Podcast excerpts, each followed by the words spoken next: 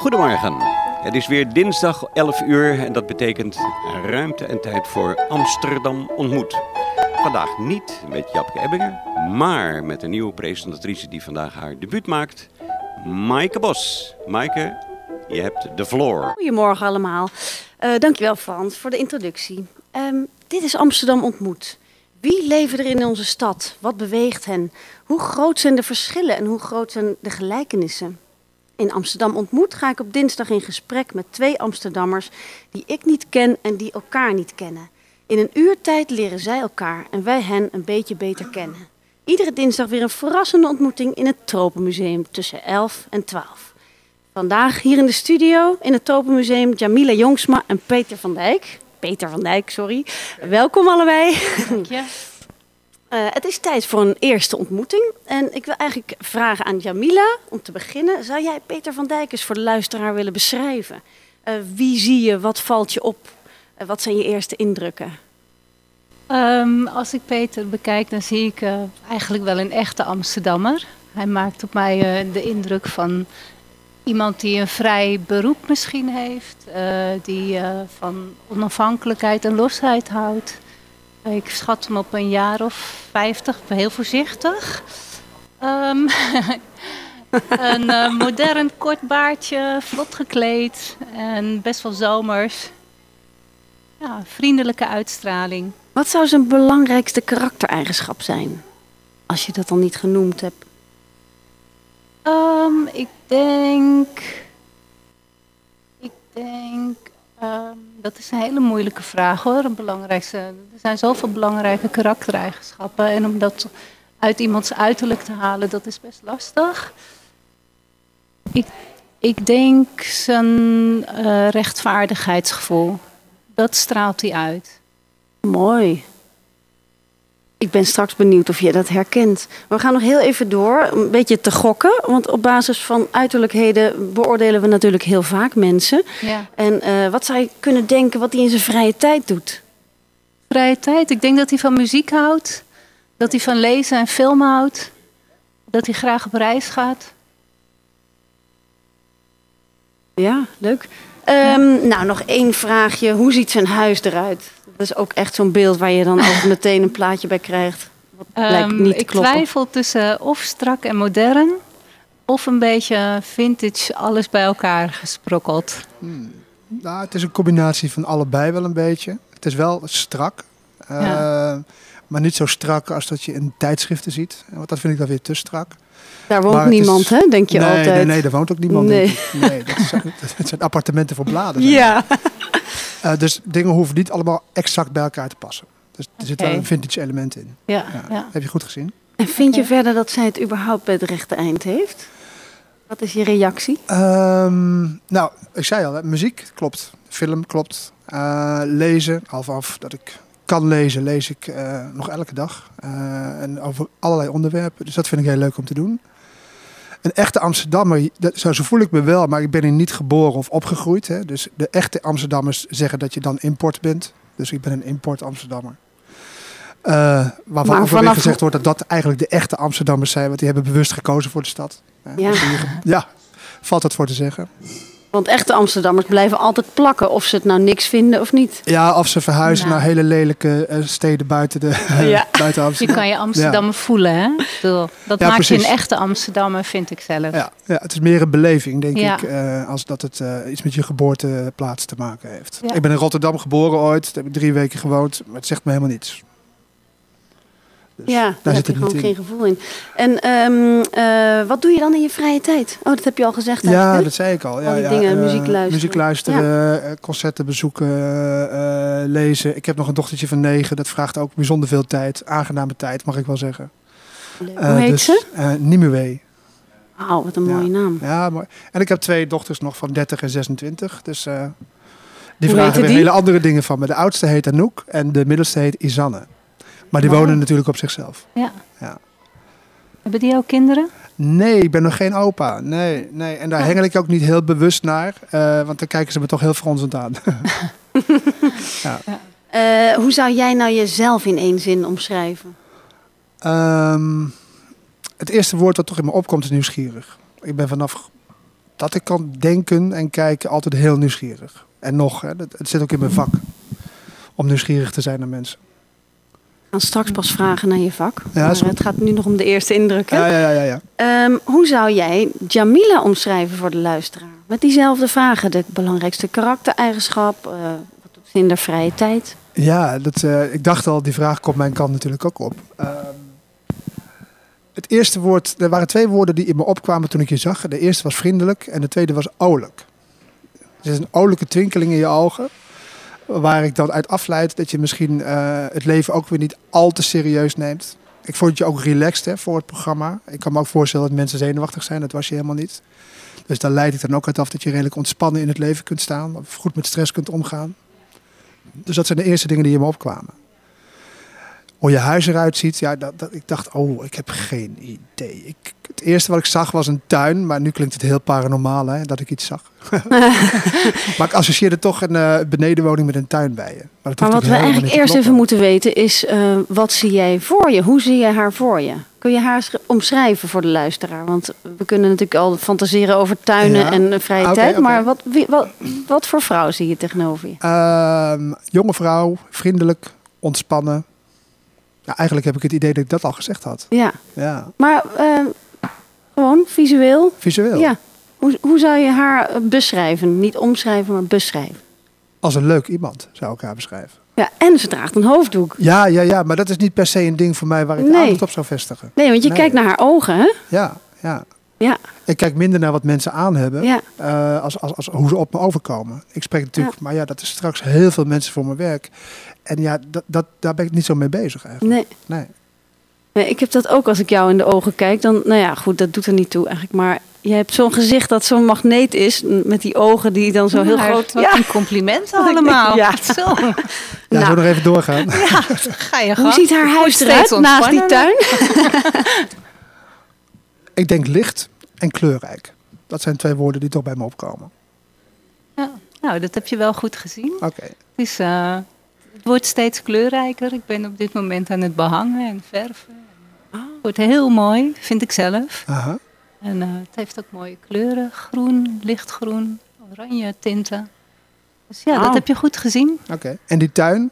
Die tuin die wil ik wel heel graag. Ja, ja, dus dat ja. heb je ook goed Ja. gezien. Dat is Vandaar echt al een dat droom. groen, dat groen nee, binnen. ik woon op drie hoog, dus Je woont op helaas. Driehoog. Ja. Ja, ja. Met een klein balkonnetje waar echt geen tuin van te maken is. Ja. Nee. Nou, dit eh, zijn pas tien minuutjes dat we elkaar ontdekken. We hebben gelukkig één uur de tijd om een portret van elkaar te maken en een beeld van elkaar te krijgen. U luistert naar Amsterdam ontmoet. En we hebben even altijd wat praktische vragen aan het begin. Eh, wat heb je vanmorgen gedaan toen je naar de studio, voordat je naar de studio kwam? Ik vraag het even aan Jamila. Ja, ik zei al, ik ben aan het eh, opknappen in huis. En er moesten nog even snel twee deuren en deurposten geschilderd worden. En die wilde ik afkrijgen voordat ik weg moest. Want anders moest ik alles weer schoonmaken en opbergen. En, Ja. dus, en dan kan eh, het drogen vandaag, hè? Ja, ja, want straks gaan we weer verder. Dus dan is het hopelijk droog. Grappig. Ja. En eh, wat heb je ontbeten vandaag? Een boterham met kaas en een boterham met jam en thee. Heel Leuk, hè? simpel. Ik kom zo bij jou, Peter. Ehm, heb je iemand lief gehad, een kus gegeven? Vandaag? Ja? Oh, ik wou zeggen. Waar moet ik beginnen? Nee, vandaag niet. Nee. Waar heb je je al aan geërgerd misschien? En helemaal niets. Ja, de radio die het niet zo goed deed. Omdat, Oh ja. ja, nou ja, lang verhaal, maar Tijdens dat dat stoorde heel erg. Dus op een gegeven moment trok ik gewoon maar de stekker eruit. Maar dat was mijn enige ergernis. En hoe ben je hier naar het Tropenmuseum gekomen? Op de fiets natuurlijk, zoals een Amsterdammer betaamt. Precies. Ehm, is jou ook iets opgevallen onderweg in de straten van Amsterdam? Nee, niets bijzonders vandaag. Vandaag niet, nee. Het regende een beetje. Ja, maar dat is ook niet zo bijzonder voor hier, toch? Nee. Ik- wat, me, wat me opvalt de laatste tijd is dat ik het zo druk vind worden. Ja. Ik weet niet waar het aan ligt ineens, maar het valt me echt op dat het steeds drukker wordt. Ja. Merk Hij jij dat ook, Peter? Eh, ja, die drukte sowieso. Ja. Eh, komt natuurlijk ook omdat er veel over geschreven wordt. Eh, dus daar ga je er ook meer op letten. Ja, Ehm, klopt. maar wat mij opviel toen ik hier naartoe fietste was dat de voorbereidingen voor Koningsdag al in volle gang zijn. Waar, waar bleek dat uit? Wat zag je? Eh, ik zie bewegwijzering, eh, weg afgesloten voor Koningsdag. denk ik, oh, het duurt nog een paar dagen. Maar ze zijn in de stad, eigenlijk is er al een heel leger mensen bezig met die voorbereiding. Ja, grappig hè? Ja, dat vind ik wel grappig. Weet je wat mij opviel? Dat wil Nou? ik toch gewoon zeggen. Ehm, meestal zijn die groenperkjes altijd zo bijgehouden. En ik zie hier en daar van die, die, dat gras dat dan wild mag groeien. En daar komen allemaal bloemen tussendoor op. En dan Hmm. denk ik, oh, volgende week worden ze alweer gemaaid. Dus ik kijk nog maar een keer extra. Ah, ja, ja, ja. Ja. Leuk hè? Ja, dat is aangeharkt Nederland voor je. Hè?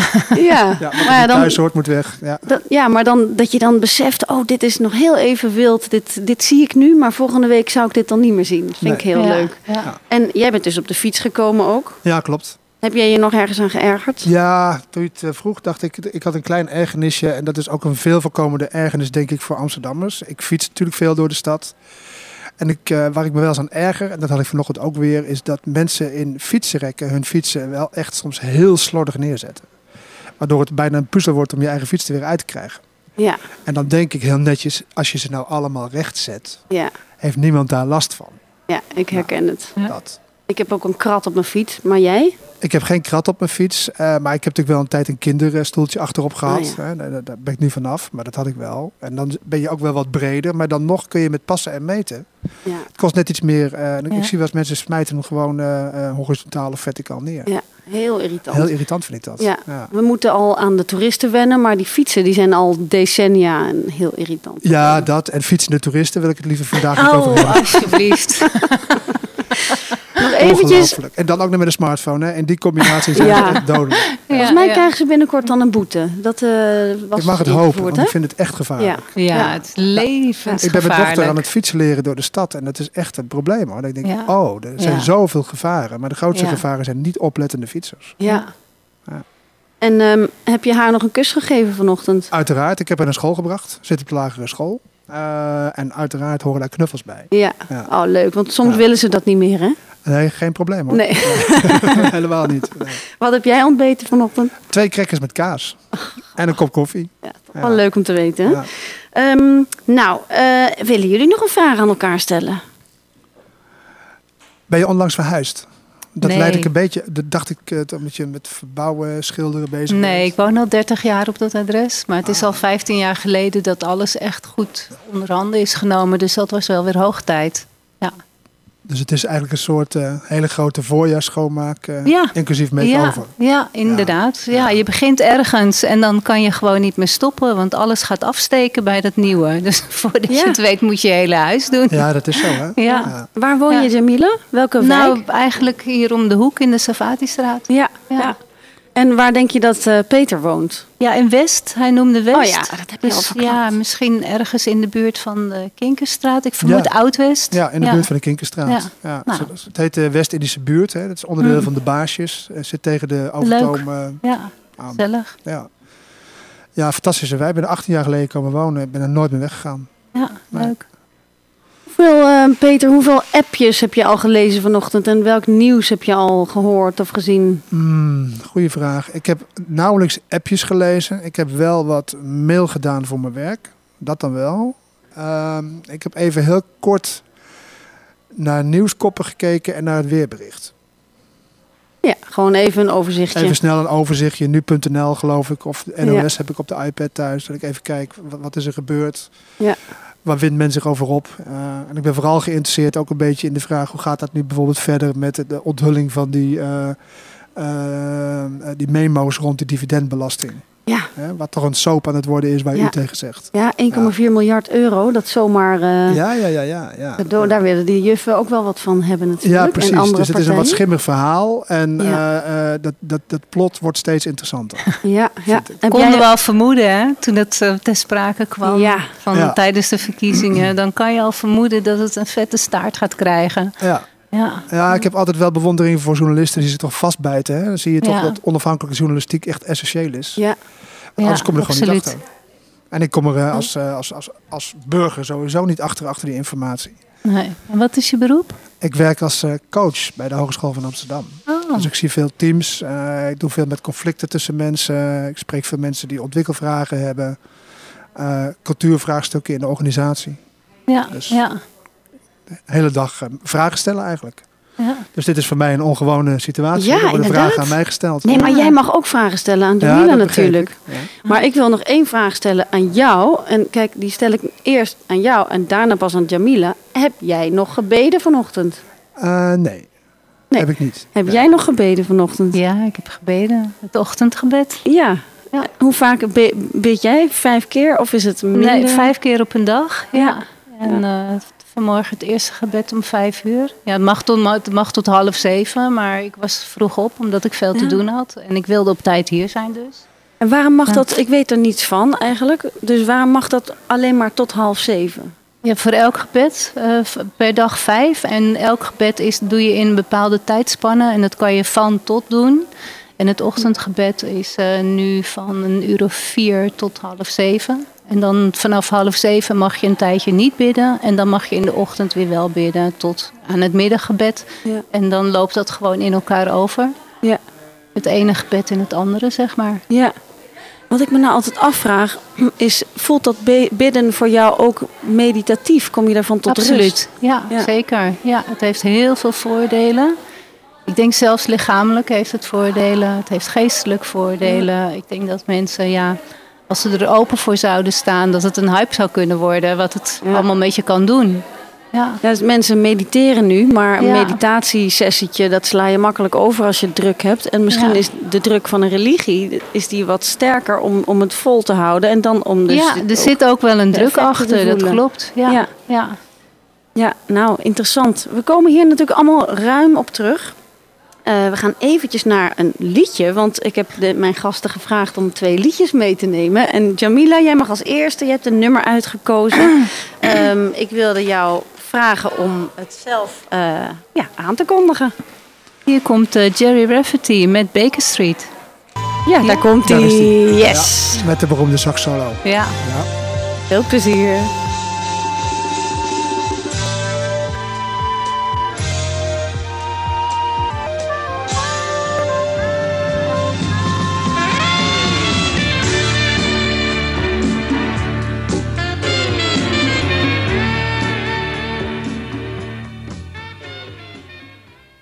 Ja, luisteraars, dit was Baker Street van Jerry Rafferty, het liedje dat Jamila uitzocht. Eh, u luistert naar Amsterdam Ontmoet, het programma waarin twee onbekenden elkaar een beetje beter leren kennen. Twee Amsterdammers, moet ik zeggen. Eh, vandaag zijn te gast Jamila Jongsma en Peter van Dijk. Jamila, wat betekent dit nummer voor jou? Ja, dit is een liedje van uit mijn, uit mijn jeugd. En dat is een, nummer wat altijd bij je blijft. Dat, wat gewoon in je, in je merg gaat zitten. Wat, wat, Wat was wat je jouw- uit elke dip sleurt. En enorm energiek en vrolijk. En, eh, Want meestal is het de eerste keer dat zo'n liedje dan bij je binnenkomt, dat het, dat, dat een onuitwisbare indruk maakt. Weet je nog wanneer dat eh, jou voor de eerste keer uit een dip sleurde, bijvoorbeeld? Nou, dat is, dat is lastig te zeggen, maar dat, ja, het, is een combinatie van de, van de muziek en de tekst. Ik vind het prachtige, de, saxofoon en de elektrische gitaar vind ik heel leuk. En dat is enorm energiek. Dus of je nou aan het schoonmaken bent of in een dip zit, het is altijd, komt altijd van pas. En een leuke tekst, ja. Waar gaat die over? Eh, nou, het heeft een beetje iets van de, de struggle in je jonge jaren. Van, ja, de- dan worstel je met echt van alles en nog wat. En, maar er blijft altijd hoop. En ja, morgen is er weer een nieuwe dag. Ja, en ha- Ja. dan had je dat nodig toen? Ja, wie heeft dat niet eens Ja, nodig af en toe? tuurlijk, Ja, tuurlijk. Ik heb het wel eens heel erg nodig gehad. naar jou natuurlijk. Ja. ja, ik heb dat wel eens heel erg nodig gehad. Het, mijn leven heeft echt wel eh, diepe dalen en hoge toppen gekend. Ja. Nou, dan kijken we of we Ja. daar straks aan toe komen. Eh, maar je mag erover vertellen wat je wil en over zwijgen ook wat je wil. Peter, wat vind jij van dit nummer? Ik vind het een prachtig nummer. Ehm, het is net zoals wat jij zegt, uit mijn jeugd. Hè, dus ik ben ermee opgegroeid met die plaat. Het is leuk hoe je het beschrijft, hè, want Baker Street, ik ken toevallig het verhaal achter dat liedje. Eh, Jerry Rafferty die zat in een ingewikkelde rechtszaak eh, met zijn vorige groep. En die moest voortdurend naar advocaten. Die zaten op Baker Street. En dat inspireerde hem, want hij vond dat een hele lastige periode. Om daar iets moois mee te doen. En dat is dit liedje geworden. Ja, want die saxofoon is net alsof Mooi. de hemel open gaat. Hè? Van Ja. bam, je hart dat- barst dan open. barst er gewoon een energie uit, dat nummer. En ja, Ja. geweldig. Ja, met Ja. medeneming van eh, het gewicht van het leven zelf. Absoluut. Dat zit er ook Ja. in. Ja. Ja. Ehm, nou, we gaan eens eventjes kijken wat we allemaal in het dagelijks, dagelijks leven nu doen. En niet toen we zwijmelden als pubers. Ehm, laat ik eens met jou beginnen, Peter. Wat doe jij in het dagelijks leven? Want je zei al, je bent coach eh, aan de HVA. Ja. Uh, maar hoe, ja, hoe gaat dat concreet? Ja, dat varieert. Uh, ik spreek ehm, voor mijn werk mensen individueel. meestal in een aantal sessies van vijf tot zeven aan de hand van vragen die ze zelf hebben, voor dingen die ze willen leren. Daarnaast spreek ik teams. Teams zitten in allerlei ontwikkelfases en die stagneren, lopen vast, hebben daar ook vragen over.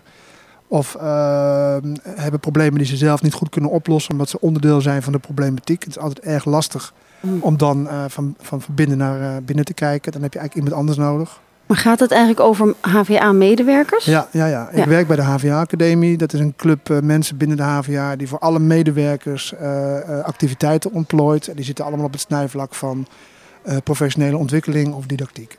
Ja, dat is mooi, want uiteindelijk willen we allemaal goed onderwijs in Nederland. En als de docenten vastlopen met elkaar of niet goed overleggen, dan hebben de studenten daar last van. Precies. Uiteindelijk. Ja, ja. ja. mooi. De idee is, ik vind hem altijd wel wat abstract, maar niet onwaar, uh, dat, dat de bijdrage kan zijn dat je daardoor ook de kwaliteit van het onderwijs uh, op peil houdt en verhoogt. Ik vind dat helemaal niet abstract. Nou, als ik naar mijn dagelijkse werk oh. kijk, dan uh, de problemen waar mensen mee zitten, relateren ze meestal niet aan het abstracte ideaal. Oh ja. Snap je?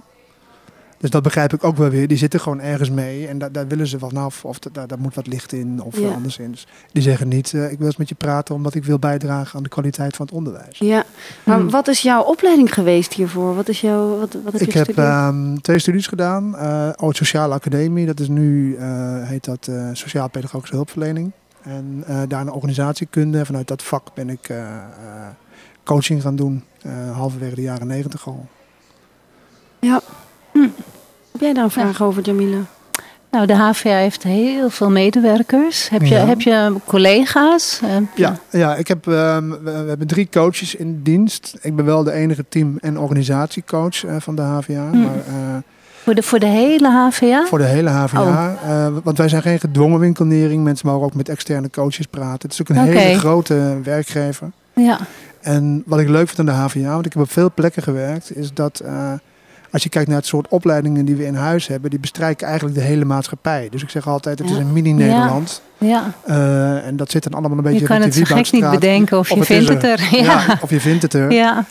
Dus ik vind er ook allerlei mensen terug, uh, van allerlei allooien, van allerlei oriëntatie ja. en manieren van kijken. En dat vind ik ontzettend interessant. Ja. Ja. Bovendien, het studentenbestand is vrij divers, hè? Dat ook dat, ik, maar daar heb ik toch minder mee te maken. Ja, omdat wij, met medewerkers. Ik werk met de medewerkers. De medewerkers ja. Wat vind je belangrijk in je werk? Zelf? Uh, autonomie vind ik belangrijk. Die had jij ook onderschept. Hm. Dat die bij me zou passen, maar ja. dat klopt ook. Dus uh, dat ik daar zelf een goede richting aan kan geven. Dat ik kan werken vanuit een visie die aansluit uh, bij wat de HVA ook wil. Uh, maar dat ik daar zelf invulling aan kan geven. Maar noem eens één, één waarde. Wat vind je nou één ding dat je echt belangrijk vindt? Ehm, nou, het eerste woord dat in me opkomt is toch wel het ontregelen van de zaak.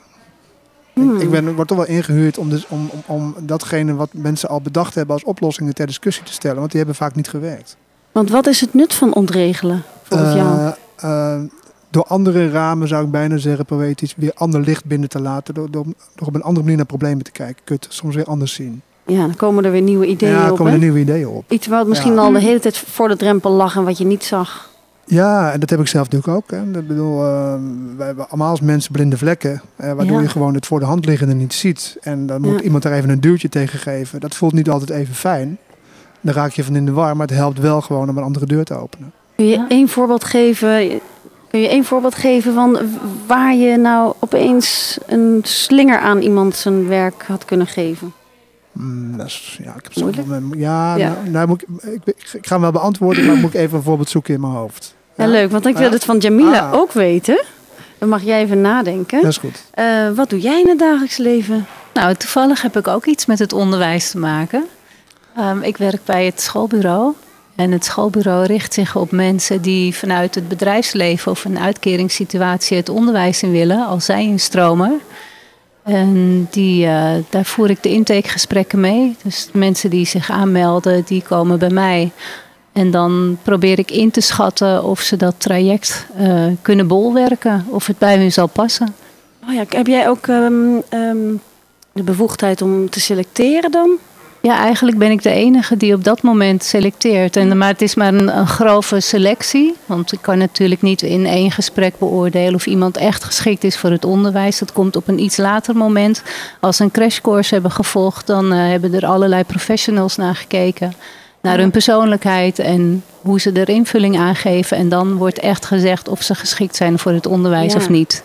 Ja, want de, soms wordt nogal eens gedacht dat dat een makkie is. Dat je altijd nog wel leraar kunt worden. Absoluut niet. Daar komen, daar, met dat idee Ja. komen de meeste mensen Ja. ook binnen. Van nou, dit is het goede moment en dat gaan we even doen. Hartstikke leuk. Ik hou van kinderen en dat komt helemaal goed. Ja. Maar mensen hebben geen idee wat er allemaal aan vastzit en wat het van je vraagt. En dat, eh, ja, dat, dat moet ik dan proberen duidelijk te maken en in te schatten. Ja. Stel je voor dat er bijvoorbeeld een Thomas komt. Die heeft bij Unilever gewerkt. En die vindt het maar niks met die eh, hiërarchie daar. En die wil docent worden. Wat voor soort traject krijgt hij dan eh, van het schoolbureau? Nou, als eerste een, een crashcourse. En dat, dat is een combinatie van theorie en praktijk. Dus ze krijgen de beginselen van het lesgeven. En ze mogen zelf een paar keer lesgeven. En dan aan het eind is een elfdaagse cursus. Een echte onderdompelingscursus in het onderwijs. En aan het eind van het traject kan iemand een gefundeerde keuze maken. Of het eh, onderwijs geschikt is voor ze. Of ze het echt leuk vinden. En ze horen van de professionals of dat inderdaad zo is. Of dat ze toch maar gelukkiger moeten zien te worden in een ander beroep. Ja, want, want wat is het probleem? Of wat, wat moet je kunnen in het, eh, in het onderwijs? Ja, het belangrijkste denk ik waar, waarnaar gekeken wordt, buiten natuurlijk dat je goed moet kunnen rekenen en taal, maar daar kan je nog eh, t- nodig aan bijschaven. Maar je moet een, een, een groep kunnen managen. Je moet ja, goede interpersoonlijke competenties hebben. De, de, de kinderen moeten goed op jou reageren. Jij moet goed op de kinderen reageren. Je moet een groep kunnen managen. Je moet ogen van oren van voor, ogen en oren van voor en van achter hebben. En de hele dag alert kunnen zijn. En, ja. Ik heb wel eens gehoord van mensen komen eh, het onderwijs in met het gedachte: ik ga lekker mijn vak eh, overbrengen, hè, de Ja. passie voor het vak. Maar eigenlijk moeten ze eerst eh, een connectie maken met die groep. Hè? Dat is het allereerste. Dat is het allerbelangrijkste. De connectie met de groep en hoe de groep op de, op de, op de juf of meester reageert. En dan is didactiek, didactiek natuurlijk ook heel belangrijk. Maar die staat wel op de tweede Ja. plaats. Ik zou denken: hoe kun je dat beoordelen als je zelf niet juf bent geweest? Heb jij zelf ook in het onderwijs gewerkt? Nee, ik heb, ik heb toevallig wel bij de HVA gewerkt.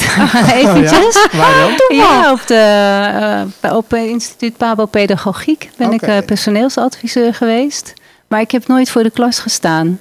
Maar ja, als je jezelf eh, inleeft in het beroep en wat het allemaal inhoudt, dan als je een beetje mensenkennis hebt, dan kan je wel een inschatting maken. Dan hoef je niet echt juf te zijn geweest. En Ja. het, is, het, het zou wel geholpen hebben, denk ik. Maar dat hoeft niet per se. Ik heb, Nee? ik heb genoeg verhalen gehoord over mensen die dat vak echt uitgeoefend hebben. Dus ik heb er wel een idee van. En wat heb je zelf voor opleiding gedaan? HRM. Oh ja. Ik heb HRM gestudeerd aan de HVA, toevallig. Mhm. Ja. Dus ja, Ja, en dat is ook al kijken naar mensen en wat ze verder brengt. En ja als je dat vak gaat, gaat studeren, dan moet je wel iets met mensen hebben. Ja. Anders, ja. En welke rol speelt eh, werk in jouw leven? Ja, best een belangrijke rol. Dat is iets waar je toch wel een beetje zelfwaarde aan ontleent. En onafhankelijkheid. En het gevoel een bijdrage te leveren, eh, maatschappelijk. En ja, Vind je niet? Vind je dat ook, eh, Peter? Ja, ja, ja. Ik, kan het er moeilijk mee oneens zijn, maar ik, ik heb minder dat het eh, eh, gekoppeld is aan zelfwaarde. Eh, dus de, de, qua identiteit eh, heb ik dat als ik naar huis ga, dan is het ook weer klaar. Begrijp je? dat wel. Als ik naar huis ga, is het ook klaar. Maar het is toch een heel verschil. Want ik ben een tijdje werkzoekend geweest voordat ik deze baan kreeg. En dan, dat is toch een heel vervelend gevoel. En je merkt toch Ja. echt wel dat mensen je ja. anders beoordelen als je werkt of als je een uitkering hebt. Dat is een Daar wel je verschil. in. Ja. Ja, en ehm, ik eh, ken een naaste van mij die binnenkort met pensioen gaat. En die heeft er ook moeite mee met het idee dat hij voorheen eh, binnen kon komen van ik ben die en die van dit ja, en dit. vooral En- voor Ja, mannen klopt. die 40 Ja. jaar bij hetzelfde bedrijf gewerkt Ja. hebben, is dat een, echt een enorme overgang. Ja. En je zou zegt het het misschien- alsof je het eh, van dichtbij hebt gezien. of echt weet Nou, mijn vader die is zijn, zijn pensioen ingedwongen door mijn moeder. Maar die- ja, die had het heel druk met allerlei hobby's en zo. Maar ik kan me voorstellen dat je als man, ik heb het ook wel in het bedrijfsleven gezien. Sommige mannen die dan echt per se door willen gaan. Die dan nog een paar jaar van hun werkgever door mogen gaan tijdens hun pensioenjaren. Die echt in een, in een enorm gat vallen. Ja. Ja, dat Daar zijn ja. zelfs cursussen voor, hè, om Oh ja? eh, mensen daarin te begeleiden, dat die overgang Ach. makkelijker loopt. Ja, ja. Ja. Ja, Ja. dat kan ik me wel voorstellen. Een gat in de markt. Ja. Ja. En Peter, wat, eh, eh, waar ben jij trots op in je werk? Ehm, wat, ik, wat, ik, wat, ik, wat ik goed kan, vind ik zelf, is, eh, dat staat ook een beetje in jouw verhaal, dat vond ik wel aardig. Ehm, je moet kunnen verbinden eerst met mensen en ook met groepen, voordat je iets kunt doen. Eh, dus jij zegt Ja. didactiek komt op de tweede plaats. Ik zeg altijd als coach moet ik snel kunnen ontregelen, maar ik kan het pas doen als de groep vertrouwen in me heeft. Mm, ja. Ja. Dus er zit altijd een, een, een scherpe balans tussen, tussen, tussen en kunnen bezeren en ontregelen en verbinding houden. Dus ik zeg altijd, ik moet ze heel houden en ik moet ze stuk maken. Maar dat moet ik wel zo doen eh, dat ik ze stuk mag maken en Ja. verbinding houden. En daar ben ik wel vrij goed in, vind ik zelf. Dus daar ben ik trots op. Wat mooi gezegd, want uiteindelijk geef je dan ook het vertrouwen dat je ze na het stuk maken ook weer even heel kunt maken Ja. voordat ze de deur weer uitgaan. Ja, ja toen, ik, toen ik wat jonger in het Wel vak was, dacht ik, ja. nou ja, ik, ik ga hier eens wat van zeggen. Ehm, maar dat is Waarvan? niet al, nou gewoon in algemene zin dacht ik, oh, dit valt me op, dat zeg ik even. En dan had ik onvoldoende voeling met die groep. Oh ja. En dan dacht ik, waarom begrijpen ze dit nou niet? Het ging niet over het niet begrijpen, maar het was gewoon niet goed getimed. Ik had nog onvoldoende verbinding met die groep gemaakt. En dan als je ze kwijt bent, ben je ze kwijt? Of wist je dat, wel weer terug te brengen? Nou, dat, dat is in sommige gevallen ben je dan wel gelijk eh, eh, afgeserveerd. Ja, het is wel Ja. opletten. Ja. In één op één situaties is, is meer herstel mogelijk. Hè? Dan zeg je, Ja. oh sorry, ik zie dat het verkeerd valt bij je. Of, Oh ja. eh, Ja, ja, maar maar ja. groepen zitten niet altijd te ook- wachten op iemand die ergens wat van vindt. Hè? Dat is een veel gemeleerde Ja, beeld. ja, ja. Ja. Ja, en je hebt het te maken met een groepsdynamiek natuurlijk. Ook dat. Ja. Ja. Ja, En niet iedereen zit er altijd op te wachten dat er een meneer wat gaat vinden van dingen. hè. Het is een beetje alsof je thuis, eh, we zeggen altijd, de vuile was hang je liever ook niet buiten. ja. Nou, Hebben Ja. mensen ook vooroordelen over jou? Merk je daar wel eens wat van? Ehm, ik denk dat ze er kunnen zijn, maar ze zullen dat toch nooit snel in mijn gezicht zeggen. Nee. Nee. Ze hebben wel vooroordelen over het vak. Wat dan? Nou ja, omdat het, mensen denken soms dat, dat je een trainer bent. Nou, een teamcoach is per definitie niet een trainer. Ik kom mensen niet een, een, een, een, een verhaal vertellen. Begrijp je? Dat Je komt luisteren en eh, Ik kom luisteren en interveneren of waar ik Ja. last van heb. Dat is wel een goed verschil. anders. Dat is Ja. echt een wezenlijk verschil. je kunt niet een slap verhaal eh, vertellen en dan weer eh, je boekje Nee. inpakken en Nee. heel veel geld meenemen. Of een, een, een leuk kunstje uitventen. Ja. Want daar wordt commercieel heel veel geld mee Ja. verdiend. Wat mensen wel leuk vinden, want dan hoeven ze niet per se aan de bak. Maar ze hebben er ook niet heel veel aan gehad. Hm. Nou, als mensen eh, denken, oh hij gaat dat doen, dat ga ik dus niet doen. Ja. En zeker niet in een organisatie die onderzoek eh, belangrijk vindt. Dan zeg ik, als het pseudo-wetenschappelijk wordt, moet je toch echt gaan oppassen. Ja. Maar realiseren mensen zich als, ze zich als ze bij jou komen waar ze aan beginnen, dat ze afgebroken kunnen worden en weer eh, in elkaar gelijmd? Nou, afbreken is, een sterk woord. Eh. Ik maak altijd wel kennis met het, eh, met het team eerst. Ja, ja. Zodat ze aan mij kunnen wennen. Ik even kan kijken, wat is er? Is iedereen aan boord? Voldoende aan boord? ja. Als bijvoorbeeld een opleidingsmanager hè, bij de HVA zegt... er moet er iets gebeuren met dat team, dan zeg ik dat is interessant. Maar willen ze dat zelf ook? Ik heb een heel toepasselijk liedje klaarstaan, En dat Peter. is... Ehm, nou, misschien wil jij het zelf eh, aankondigen. En dat heet... Oh, de beuker in van Bram Vermeulen. Ja, die, die past er wel bij.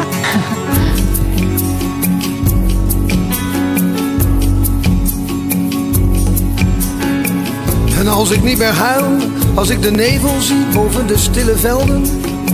Hoe de zon zijn stralen breekt uit gaten in de lucht. Hoe vogels strepen trekken in hun vlucht. Goedemiddag, eh, nee, morgen is het nog, luisteraar. U luistert naar Amsterdam Ontmoet.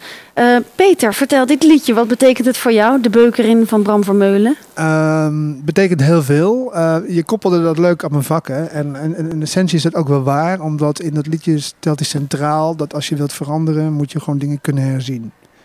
Daarnaast stelt hij ook centraal dat de routine ehm, en sleur dodelijk kunnen zijn voor een kwalitatief mooi leven. Ja. Dus vandaar de beuk erin. En ik heb ook heel veel mensen gesproken in 20 jaar eh, die eigenlijk echt iets anders wilden, maar vastzaten om allerlei ook hele valide redenen. En eh, waar je dan eigenlijk van moet zeggen, wat kun en durf je los te laten en af te breken om nieuwe dingen te, eh, te, te vinden. Ja, heb, en je dat zit daar, heel mooi in die tekst. Ja, heb je daar zelf ervaring mee? Heb jij wel eens helemaal je leven herzien? Ja, een paar keer. Eén keer. En dat is natuurlijk altijd een beetje een ingewikkeld verhaal, vind ik zelf, met een scheiding met twee kinderen. Dat is toch ook echt opnieuw beginnen. Eh, Hoe oud was je toen? Toen was ik 40. Dat is ook het punt dat ik naar Amsterdam kwam ongeveer. eh, rond die tijd. Ehm, en eh, dat, dat, is, het is nooit een verhaal wat zwart-wit is, hè, vind ik, een scheiding. Mhm. Er zitten heel veel grijstinten in. En voor kinderen is het rampzalig. Per definitie, hoe goed je het ook doet.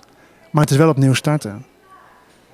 En ik heb ooit eens een tijdje, maar dat gaat je nieuwsgierig maken, ooit in een soort secte gezeten, heel lang geleden. Moest ik ook uitstappen, omdat ik dacht, dit gaat nergens naartoe. Maar dan moet je iedereen loslaten die je daar kent. ja.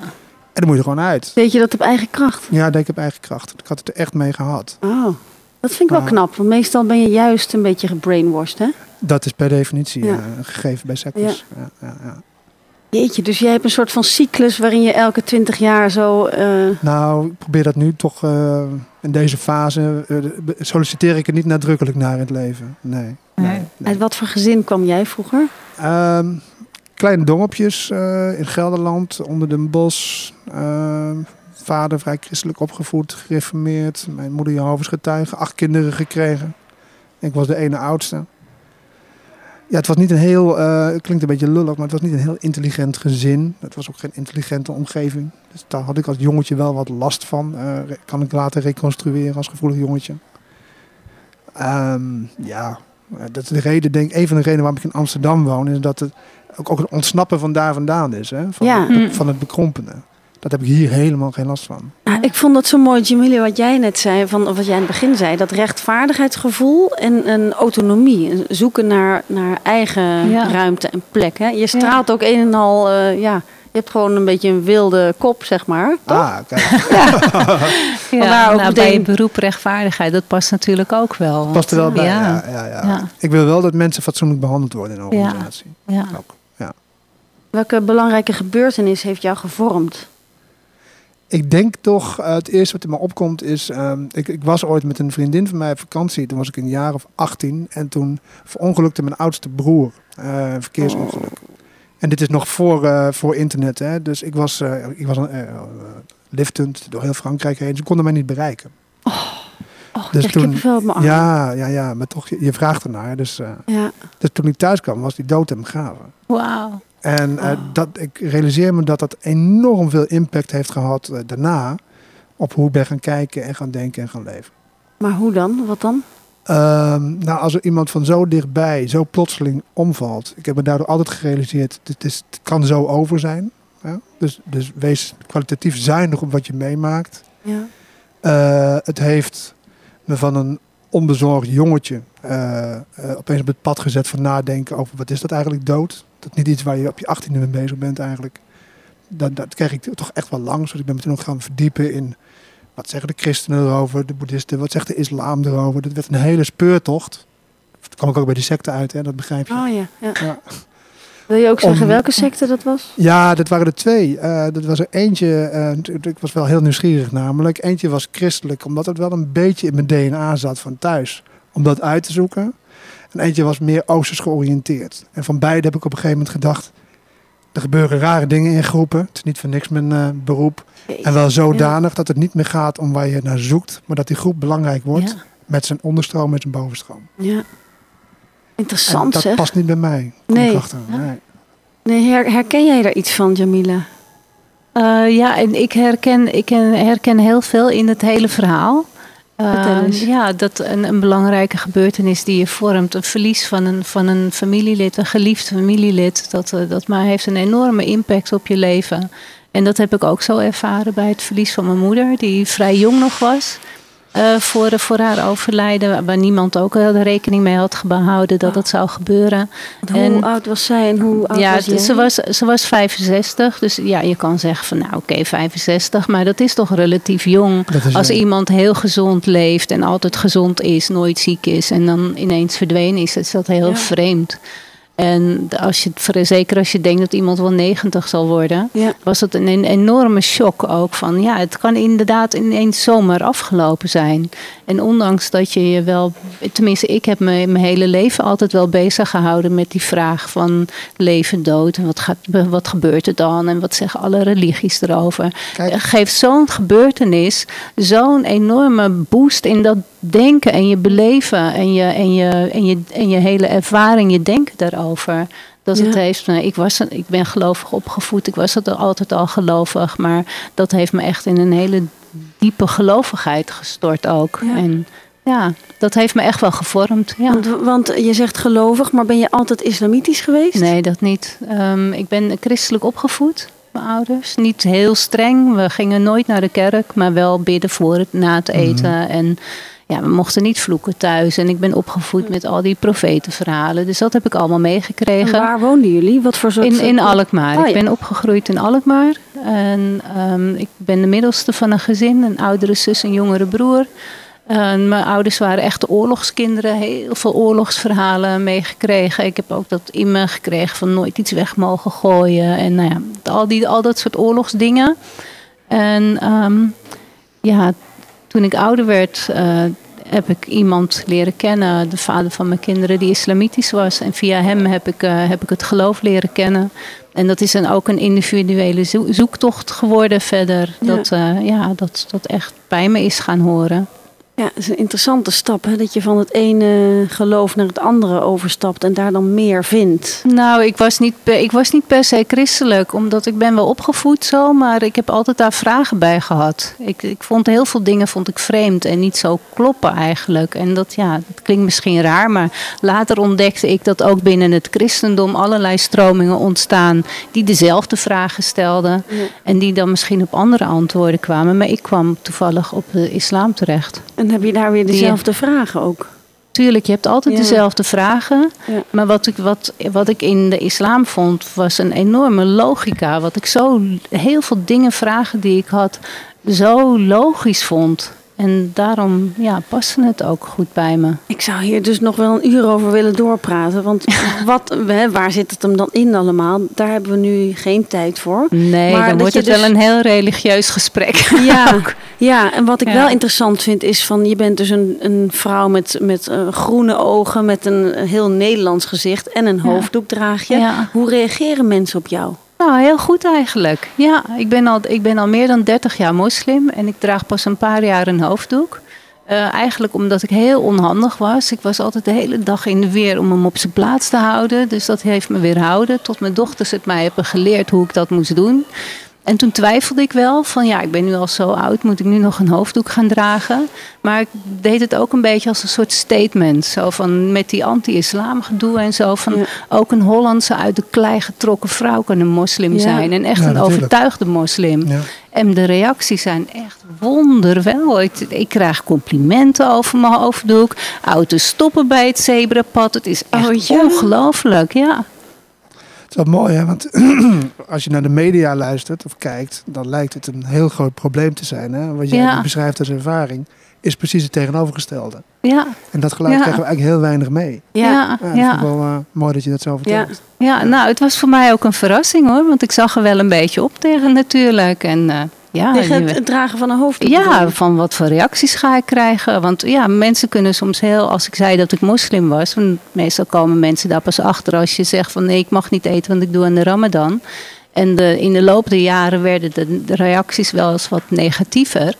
Maar op mijn hoofddoek, eh, ja, vond ik heel verrassend. Ja. Ah, ja, mensen die je complimenten geven. En, eh, goh, wat een mooie hoofddoek draag je. Daar heb je echt je best op Ja. gedaan. Dat soort dingen. Maar om ook over ontregelen te spreken. ehm, kijk, bij jou zie je aan je gezicht dat je niet eh, uit een islamitisch land afkomstig Ja. bent. Dus er, er zijn meteen al twee elementen die met elkaar botsen. En dan ga je dus waarschijnlijk als kijker meteen denken van... oh, daar zit een individuele keuze achter. Of daar is een soort stap gezet in zo'n leven.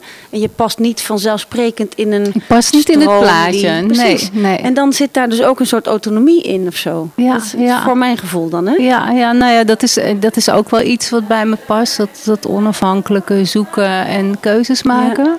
En dat moet je ook wel liggen. En dat, dat moet je ook zeker wel hebben als je, als je dit vol wil houden tussen allemaal moslims die allemaal zelf weten wat het beste is en hoe het wel en niet moet. Want ja, je bent Ja. toch, eh, net zoals je een import Amsterdammer kan zijn, ben je toch ook niet een echte moslim, want je bent niet een echt als moslim geboren. Dus die, dat kom je dus ook tegen. Nou, je bent ook een sterke vrouw die zich niet wil laten knechten.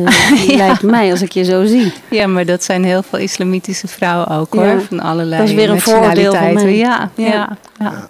Ja, ehm, volgens mij moeten we al richting het einde gaan. Peter, heb jij nog een hele prangende vraag aan Jamila?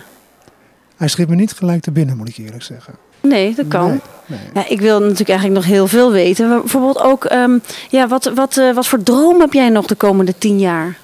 In je werk of in eh, je Ehm, leven? Eh, nou ja, ik, ik zou wel wat dingen willen schrijven. Ehm,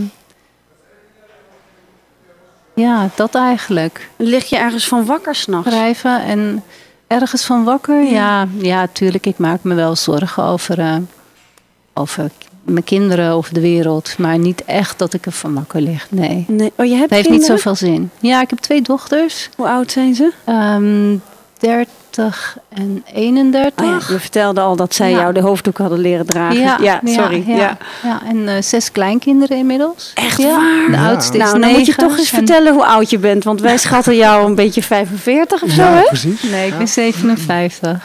Ja. Over vooroordelen gesproken, maar Ja. dan de goede kant op. 57. Ja, ja. Mooie leeftijd. En zes kleinkinderen. Ja, ja. Drie jongens en drie meisjes. Ja, mooi verdeeld. Ja. Ja, En eh, zijn eh, die gezinnen allemaal islamitisch ook? jazeker. Ja, ja.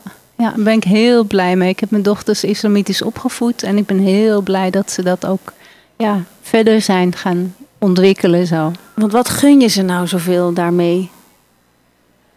Dat is wel een hele diepzinnige vraag hoor. Wat ik ze daarmee gun is een, eh, natuurlijk een goed leven. En, Ja. en wat ze ook meegekregen hebben in hun jeugd, dat ze dat blijven houden. En dat ze zich daar goed bij voelen. En dat ze in het leven hierna ook een goede plek krijgen. Ja. Ja, dus het is, maar het zit echt gewoon, ja, het zit heel diep bij jou. heel diep, En je hebt ja. het echt gevonden en je Ja, hoopt gewoon dat het, een- het is voor jou een ik zou het verrijking. iedereen gunnen. Echt Ja. waar. Ik zou het voor iedereen willen. Ja, dat klinkt heel stichtelijk, maar ja. Ja, hoe ervaar jij dat, Peter, als eh, afkomstig van een eh, Jehovah's getuigen gezin? Ik begrijp, eh, ik begrijp de ideeën en ik respecteer ze ook. Maar ik ben zelf wel meer van het hier-nu-maals. En niet van het hiernamaals. Ja. Ja. Ja, ja. En wat is voor jou nou ultiem genieten? Waar, althans in de diepere zin, hè? Niet de- van YOLO en ik drink een biertje op het terras. Maar wat is nou Mhm. echt... Nou ja, ik zou toch zeggen, even los zijn van mezelf. Misschien wat jij ook in gebed of in meditatie tegenkomt. Dat je even los bent van de ideeën wie je denkt dat je bent. Waarom? Nou ja, dat, ehm, om- omdat, omdat daar misschien toch wel glimpen op te vangen zijn van een iets andere werkelijkheid. dan degene die zich elke dag voordoet. En, en hoe bereik je dat dan? Eh, meditatie kan er een vorm voor zijn. Maar het kan ook, eh, ik vond het mooi wat jij beschreef. Hè? Je fietst en je ziet iets, je oog valt erop. En je ziet opeens de schoonheid van de wereld. Dat is groter dan je zelf bent. Ja, ja. Dus daar kun je het ook in vinden. ja, want weet je, we zijn allemaal waarnemers. Hè? Wij allemaal zien die Ja. bloemetjes in de berm. Of wij allemaal zien eh, de, de zon door de lucht schijnen. En dan heb je ook het idee, we zijn toch allemaal mensen eigenlijk. We zijn toch allemaal ogen Ja. die naar de wereld kijken. En niet per se bekeken hoeven worden. Ja. Zo zie ik het. ja, ook heel mooi gezegd. Mooi gezegd, maar we Prachtig. lopen ook op die wereld rond. Dus er wordt ook Ja. naar ons gekeken. Ja, Ja, wat een eh, spagaat hè. ja. Ehm, nou, volgende keer is er weer een ontmoeting met twee Amsterdammers die elkaar niet kennen. Ehm, eh, wil je ook een keertje iemand ontmoeten bij Amsterdam Ontmoet? Ga dan naar de website van Amsterdam FM bij Amsterdam Ontmoet. Of stuur een bericht naar amsterdamontmoet.gmail.com. Eh ik dank mijn gasten voor deze ontmoeting en voor hun openheid. Jamila en Peter. Dank je. Ehm, Dankjewel. hoe gaan jullie naar huis met, eh, met, met dit gesprek in je achterhoofd? ik vond het heel leuk. Ik Met ook. een heel plezierig gevoel. Dank voor jullie komst en dank voor deze ontmoeting. Graag Eh, gedaan. nou, fijn dat u luisterde. De techniek was vandaag in handen van Anneminke van der Velden. Waarvoor mijn grote dank. En wij sluiten af met de keuze van Peter. En dat was... Waterdrager van Boudewijn de Groot.